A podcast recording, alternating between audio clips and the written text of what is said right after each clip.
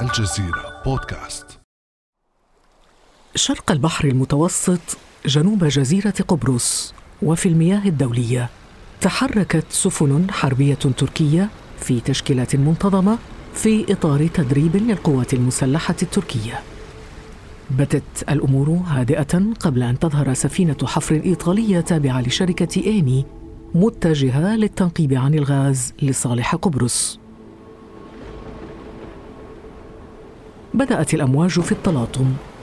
حين قامت إحدى السفن الحربية التركية باعتراض السفينة الإيطالية وأجبرتها على التراجع. سبق تلك الواقعة خلاف واسع بين مصر وقبرص واليونان من جهة وتركيا من جهة أخرى حول أحقية الوجود العسكري التركي في تلك المنطقة وبالتالي أحقيتها في التنقيب عن الغاز. فإلى أين يتجه الصراع على الغاز؟ في شرق المتوسط؟ بعد أمس من الجزيرة بودكاست أنا خديجة بن جنة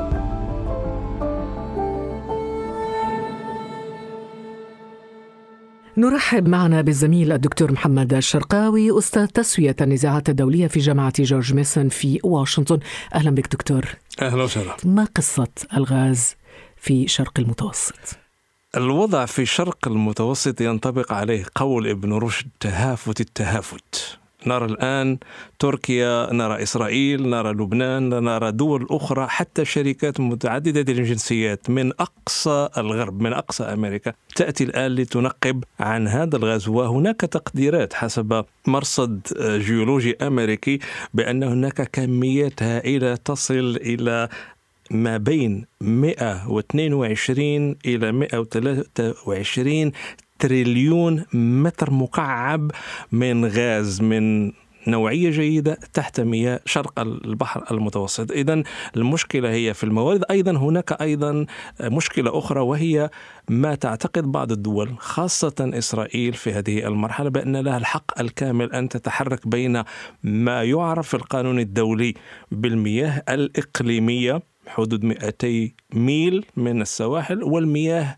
الوطنية أو المياه السيادية التابعة للدول فإذا نحن الآن أمام مشهد مركب من تهافت التهافت الاقتصادي وأيضا مدى احترام أو عدم احترام هذه الدول للمعاهدات الخاصة بالتنقيب في البحار. يعني نحن أمام كنز من الغاز عالي الجودة وتنافس دولي كبير عليه. دعني أذكرك كم هي الشركة الآن؟ يعني أصبحت الآن معركة. هناك تقريبا أكثر من سبع شركات. هناك شركة نوبل إنرجي التي تأتي من ولاية تكساس الأمريكية. لدينا كما ذكرت شركة إيني الإيطالية هناك شركة توتال الفرنسية هناك شركة إكسون موبيل هناك أيضا قطر بتروليوم هناك أيضا رويل داتش.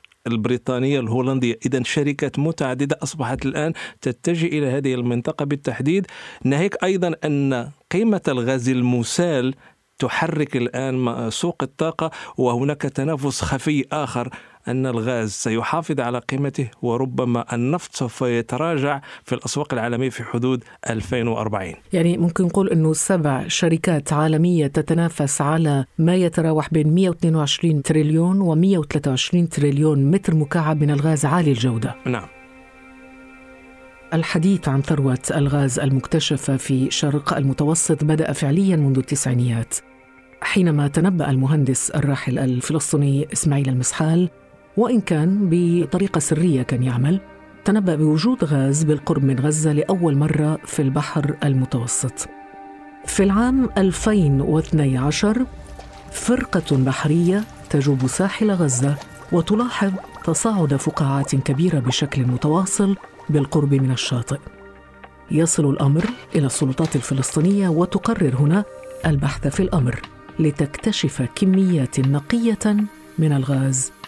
قريبة من الشاطئ يسهل استخراجها وبالفعل بدأت عملية الاستخراج بوسائل بدائية محلية قبل أن تحاصر غزة مجددا ويتوقف التنقيب لتستمر إسرائيل منفردة ببيع الغاز الفلسطيني وتصديره.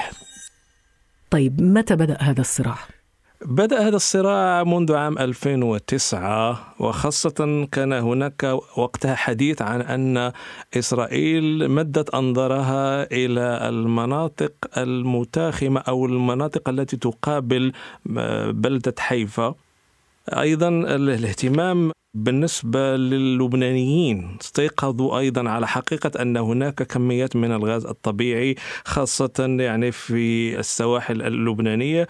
اذا بدت المسألة تأخذ بعد الدفاع عن ما هو سيادي وأيضا ما هو من قبيل أن هذه السيادة تأتي بالتالي بكل الموارد تحت الأرض تحت المياه تحت البحر. إذا دكتور شرقاوي منذ التسعينيات كما ذكرنا واكتشاف السلطات في عهد الرئيس الفلسطيني آه، الراحل ياسر عرفات لغنى السواحل الغازية بالغاز عقد الفلسطينيون آمالا كبيرة وقتها على هذا الاكتشاف. ويعتقد أن الغاز الفلسطيني المكتشف في المتوسط على سواحل غزة يمثل أحد أهداف إسرائيل لكي تستفيد لكن شركات التنقيب تعاقدت في النهاية مع إسرائيل وليس مع الفلسطينيين ما هو الشبه بين الصراع على الغاز بين إسرائيل وغزة وبين الصراع القائم حاليا في السواحل القبرصية؟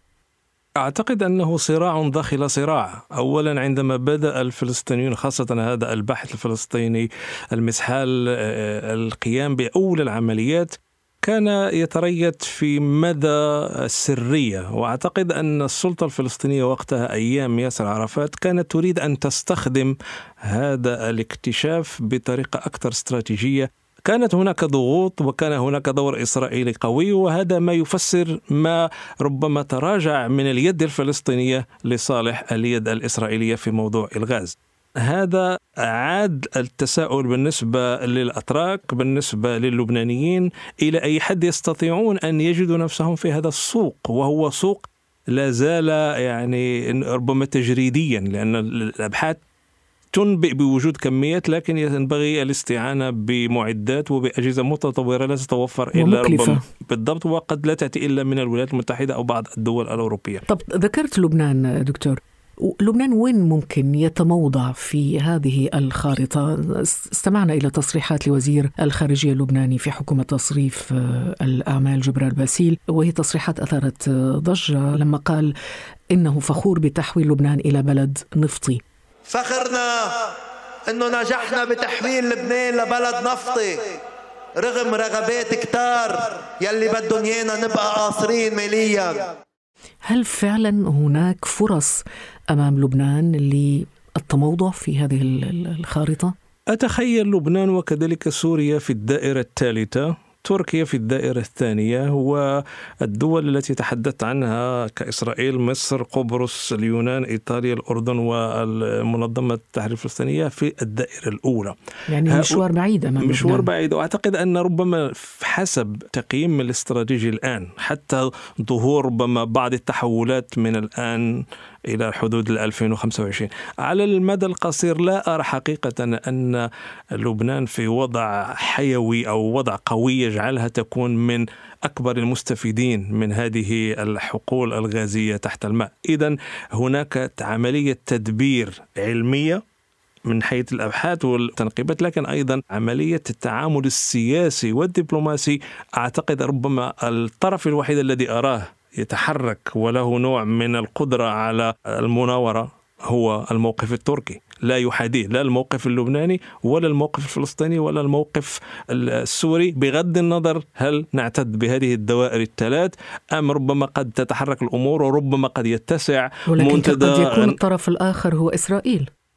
أعتقد الطرف الآخر على في المعادلة في المعادلة في الدائرة الأولى كما ذكرت. بالضبط. إسرائيل تتزعم الدائرة الأولى. يعني لازم أن نسلم بهذا. ولديها القوة المالية ولديها الخبرة العلمية سواء كانت إسرائيلية أو أمريكية. لديها أيضا التأثير السياسي. في شهر يناير الماضي تم الاتفاق بين مجموعة من الدول على تشكيل ما سمي أو ما يسمى الآن بمنتدى الغاز في شرق المتوسط وهذه الدول هي مصر إسرائيل قبرص اليونان إيطاليا الأردن. الولايات المتحدة الأمريكية وفرنسا والاتحاد الأوروبي شاركوا في الاجتماع بصفة مراقب للوقوف على كيفية الاستفادة من هذا المنتدى في ظل الاكتشافات الكبيرة للغاز التي بدأت تظهر في شرق المتوسط. في قاعة مديدة احتدمت نقاشات منتدى الغاز الأول حول طريقة إدارة الغاز في شرق المتوسط لتمهد لاتفاقات تمكن الدول المشاركة من تحقيق استفادة أكبر من هذا الغاز. بعضها ستصبح مصدرة بعد أن كانت تستورد الغاز قبل هذا المنتدى. المنتدى الذي ترك الدعوة مفتوحة للدول التي تتفق في المصالح حسب بيان الإنشاء ولاقى انتقادا من تركيا التي استمرت في الوقت نفسه في الحفر بحثا عن الغاز في مياه المتوسط. دكتور هذا المنتدى غابت عنه تركيا يعني لماذا أخرجت تركيا وكيف تفسر رد فعلها الغاضب لعدم إشراكها؟ أعتقد أن هناك سببين رئيسيين سبب تركي إسرائيلي وسبب أردوغاني شخصي محض السبب الأول هو أن تركيا لا تقبل التوسع الإسرائيلي وموضوع الغاز أهمية سياسية وأيضا اقتصادية. هي لولا وجود نزاع اسمه نزاع قبرص ربما لم تكن تتحرك بنفس الطريقة ربما تغيرت استراتيجيتها لأن لا زالت لديها مطالب على شطر معين من جزيرة قبرص. فانسحاب جنودنا من قبرص مستحيل. الأهم أيضا هو أن نستحضر العنصر الأردوغاني الشخصي. ويريد أن يكون اللاعب الأقوى أو على الأقل من بين اللاعبين الأقوياء الآن في المنطقة في كل متغير كان. أردوغان شخصية يعتقد أنه يعيد بناء الإمبراطورية التركية أو الإمبراطورية العثمانية الجديدة ولا أريد أن أعود إلى موضوع أتاتورك وهل يعني تامها معه أم لا لكن هناك إرادة شخصية قوية أنني أنا من يصنع الفعل أو على الأقل يساهم بدور كبير في صناعة الفعل ولا يمكنني أن أبقى في مربع ردة الفعل. تعلمون جيدا بأن للجمهورية التركية حقوق في الاستفادة من مصادر الطاقة واستخراج والتنقيب عن الغاز وهذه التحالفات تأتي من الغرب. يأتي أردوغان بتحالفات من الشرق فالمسألة مسألة كفات متأرجحة وهو بضمنين يرد إذا استثنتموني من منتدى غاز شرق البحر المتوسط. سأجد الطريق وأقفز ولا أمشي على الأرض. هذا المنتدى دكتور شرقاوي غابت عنه دول معنية أخرى. يمكن توسيع القائمة ليس فقط بالنسبة للدول الموجودة في المنطقة. مثلا لبنان الآن يأخذ هذه المعركة لم يحدد بعد المدخل إلى هذه الحرب الاقتصادية الجديدة. نجد أيضا السوريين الآن هم منشغلون بأزمتهم. بعد الإعمار سيعود أيضا الموقف السوري يعني مثار للنقاش في أكثر من محفل بأحقية السوريين أيضا. إذا المنطقة أيضا تكبر. ما يخفى الآن وسوف يظهر مجددا فيما بعد أن هناك دول ذات مصالح وإن كانت بعيدة جغرافيا. ومن خلال هذه الشركات الآن تحدثنا عن توتال وتحدثنا عن لا أكثر من حتى كوريا الجنوبية من خلال شركة كوغاز تريد أن تدخل مع الأتراك في حلف استراتيجي سواء كان في بعده التنقيبي أو على أيضا الاستفادة من الجانب السياسي. كوريا الجنوبية وتركيا. بالضبط. إذا المسألة الآن هذه الثروة الآن التي يتحدث عنها الكثيرون وأصبحنا نسمع عن هذه التقديرات تثير شهوة كثير من الدول. إذا نحن الآن أمام احتمالية تدويل النزاع حول غاز شرق المتوسط.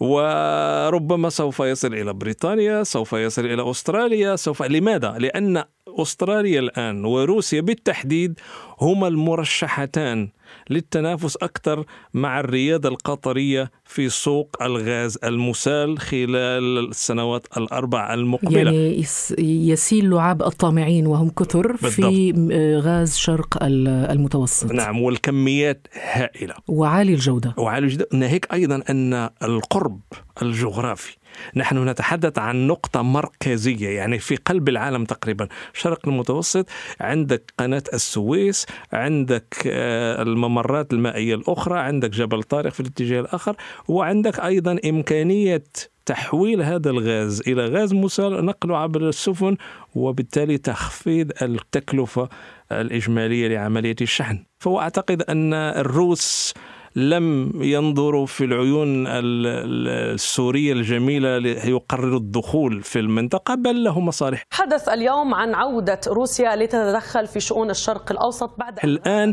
نتحدث عن خارطة جيوسياسية تتغير تقريبا كل عامين وأعتقد أن منطقتنا في العالم مقارنة مع كل الأزمات وكل الصراعات هي الأكثر حركية وأكثر ديناميكية. وللأسف أن التأثير والعنصر الخارجي يحركها أكثر من العنصر الإقليمي أو المحلي. طيب أمام تركيا من جهة وهذه التكتلات الأخرى من جهة لمن يحسم الصراع برأيك؟ أعتقد الآن المشهد سوف يستمر على إيقاع تنافس واضح. الأتراك يريدون المناورة الإسرائيليون يريدون العمل الهادئ واستجلاب شركات غربية بمعنى آخر تدويل قضية الغاز. على مستوى التنقيب وأيضا على مستوى المرافعات أمام القانون الدولي. في نفس الوقت أيضا نحن الآن أمام نزاع آخر. إلى أي حد نعتد بمفاهيم المياه الإقليمية؟ أين تقف؟ أين تتمدد؟ هناك الآن للأسف استغلال لهذا المبدأ. إذا نزاع يجر إلى نزاع. المصلحة المالية تقضي على المبدأ السياسي. لا أرى حقيقة هل سوف يستمر هذا المنتدى بنفس الزخم دون عضوية تركيا دون عضوية لبنان؟ ولا أرى أيضا نوع من المصالحة أو نوع من الانفتاح على فكرة إعادة النظر في تركيب هذا المنتدى. إذا اللبنانيين والأتراك هم خارج الصرب ولا يمكن أن نترقب الصورة خلال العام أو خلال الخمسة أعوام المقبلة دون تأثير بيروت وأنقرة. ولم يزل الصراع على غاز المتوسط متقدا والتطورات فيه تتسارع بعد أن بادرت تركيا لعقد اتفاق لترسيم الحدود. يجعل مياهها الاقتصادية متلامسة مع ليبيا مما زاد من حدة التسابق في المنطقة بينما ترد مصر بتدريبات استعراضية في مياه المتوسط. ونيران التنافس تستعر. فإلى أين يصل الصراع؟ ولمن يكون الحظ الأكبر في هذه الكعكة الجديدة؟ فقط علينا المراقبة والانتظار.